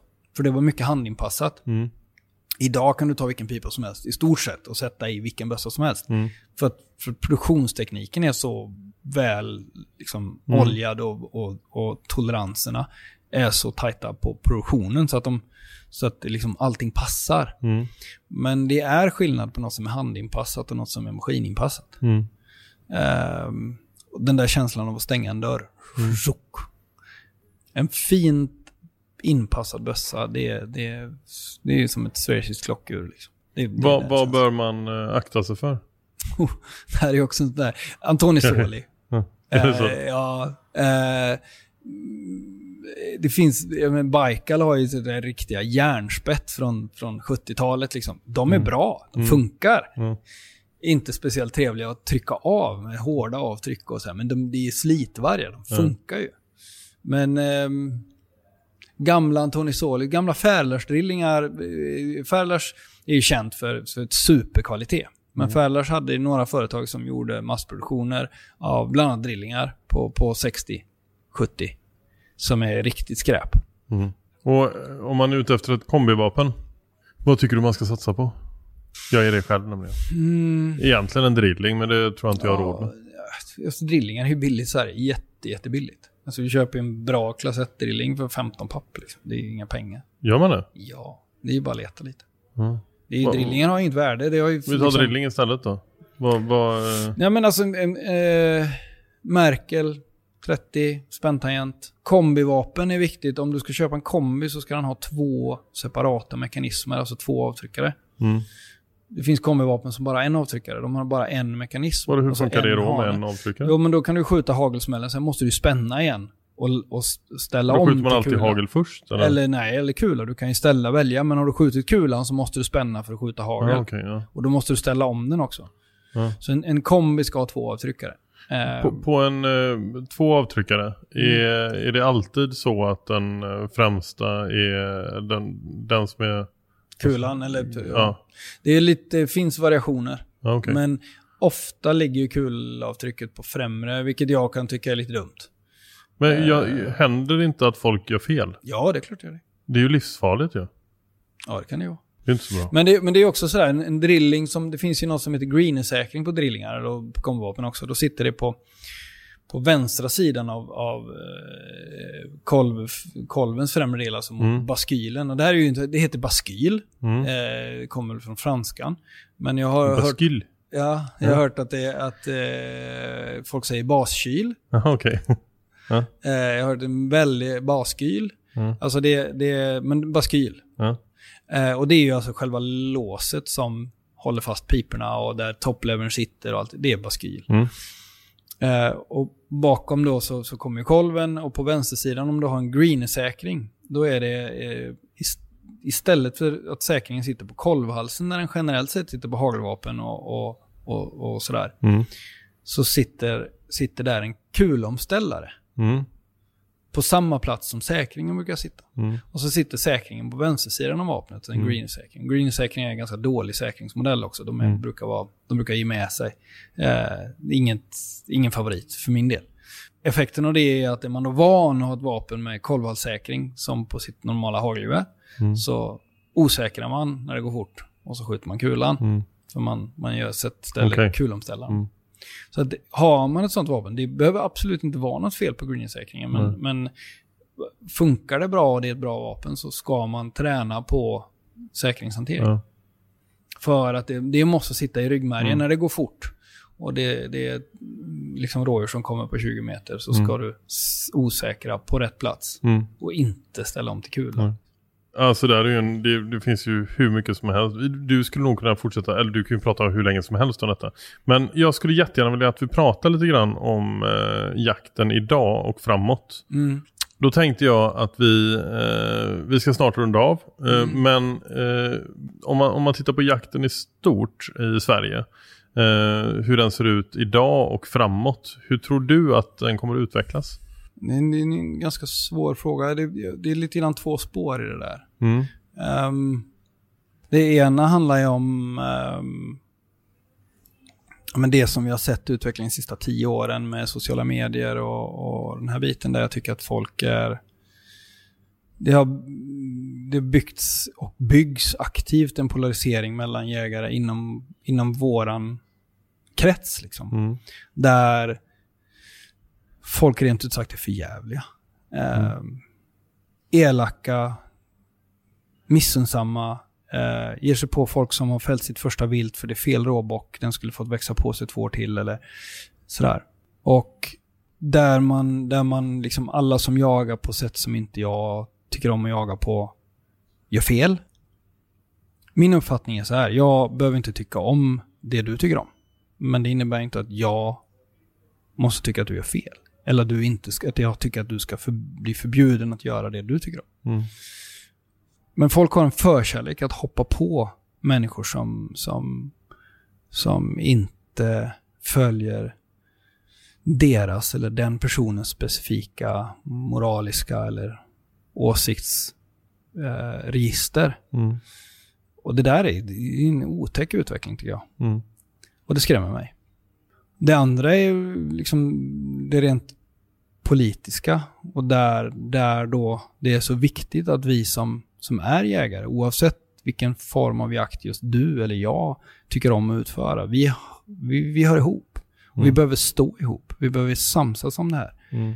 Det politiska liksom, utvecklingen kring vapen, Mm. Eh, bara frakta vapen idag är fruktansvärt svårt. Vi får mer och mer då som för mig som är i branschen, större och större administrativt överhäng eh, som kostar jättemycket pengar som då i slutändan drabbar kunderna. Sen den jaktliga utvecklingen, det är ju intressant eh, om man tittar på, jag menar jag var liten fanns inga vildsvin. Eh, och helt plötsligt så kryllar det av vildsvin. Mm. I Jämtland där jag bor, vi har massa kronhjort nu. Kronskötselområden. Det är ju en otroligt rolig utveckling för mig som jägare. Inte lika rolig för den som är markägare. Mm. Eftersom nu har man älgen som går på tall och så har man kron som går på gran. Och det här är väl liksom hela den här komplexiteten där, där olika intressen ställs mot varandra. Och vi ser det i, i fjälljaktsfrågan liksom. Där, och där kan vi snacka om en komplex fråga. Ehm, där, jag menar jag jagar med samerna. Mm. Eh, och det är några av mina bästa, absolut bästa vänner. Liksom. Eh, men jag är också ripjägare. Jag vill ha tillgång till fjället. Men eh, om jag ska hårdra det, när jag rannsakar mig själv, eh, om man nu på något sätt ska liksom ställa behov gentemot varandra, Mm. så är det väldigt svårt att hävda att jag har större behov än samerna. Mm. Eh, och samtidigt så anser jag ju att vi ska ha tillgång till fjället. Mm. Men återigen pol polarisering då, beslut från städerna som påverkar landsbygden. Beslut av människor som inte förstår vad, vad våran verklighet är. Mm. Eh, skapar motsättningar på landsbygden mellan då, i det fallet ripjägare och samer. I andra fall eh, eh, fårägare och, och naturvänner eller, eller eh, jordbrukare och vildsvinsjägare eller Mm. vad det nu är. Ehm, och det här är olyckligt. Ehm, och negativt för jakten som helhet. Liksom. Mm. Vi behöver hitta liksom common ground, gemensamma ståndpunkter. Vi behöver inte tycka lika om allt. Men vi älskar jakt. Eh, eller vi älskar fjället. Jag tror att vi generellt sett, även när det gäller jakt, behöver bli duktigare på att lyfta blicken och se utöver våra egna behov. Det är inte nödvändigtvis land mot stad eller stad mot land. Liksom. Det, är, det är ett land där det finns en otrolig massa olika beståndspunkter just i vårt intresseområde. Mm. Som vissa ligger mig väldigt nära hjärtat, vissa ligger inte alls mig nära hjärtat. Men det innebär inte att jag inte kanske måste stå, ta strid för dem. För att det ska funka i det långa loppet. Jag vill kunna lämna det här till mina barn Mm. och till deras barn. Det är viktigt för mig. Jag, jag tycker att eh, de orden nästan får, eh, får avsluta det här avsnittet. Du är klok. Och det vore fantastiskt tycker jag om fler tänker som, som dig i många av de här frågorna. Att vi försöker enas. Sen många av de frågorna du, du, eh, du pratar om här är ju, det är ju infekterade frågor. eh, Och det är väldigt många som har väldigt tydliga åsikter i detta. Mm. Jag själv personligen har för dålig kunskap i många av de här frågorna. Att jag själv kan inte tycka. Eh, det vore dumt. Där är jag lite förvånad över hur många som, som har väldigt starka åsikter. Som, är, som inte är grundade på, på kunskap och fakta. Nej, det är ju så. Idag så ska alla ska ha en uppfattning. Mm. Vi ska ha en uppfattning om saker vi inte har en aning om. om det jag menar, folk har ju blivit eh, pandemivärldsmästare liksom. På, på, Direkt. Ja, på två veckor. Efter att ha läst en, en en, i en- intensivkurs i, i Ja, rubrikläsning på, på Ja. Liksom. Men, och det här är ju så intressant. Jag menar, jag har ju själv nu i den här podden suttit och sagt att jag har uppfattningar om älgskötsel, jag har Mm. uppfattningar om viltförvaltning. Jag är inte forskare på det. Jag kan inte påstå att mina min kunskap är liksom det som ska gälla. Men det jag någonstans är ute efter är att vi behöver lyfta blicken. Vi Mm. behöver, det här behöver hålla över tid. Mm. Och människor behöver hålla över tid. Vi behöver värna vår kultur, vårt sätt att jaga med lösen, eh, samernas rätt att driva ren, eh, fågeljakten. Vi behöver värna Mm. det. Det är viktigt.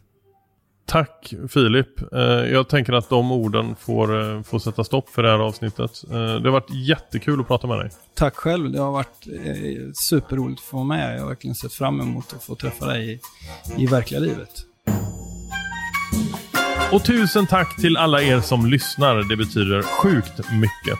Nästa vecka blir det ett riktigt intressant avsnitt där jag ska prata med Niklas Nilsson som är VD på Chevalier och jägare sedan barnsben.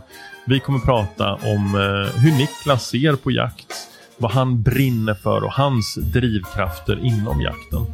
Det är eh, enligt mig ett riktigt trevligt avsnitt. Jag har ju faktiskt hört avsnittet. Det är redan inspelat. Men ni, ni får vänta en vecka. Vi hörs då. Hej!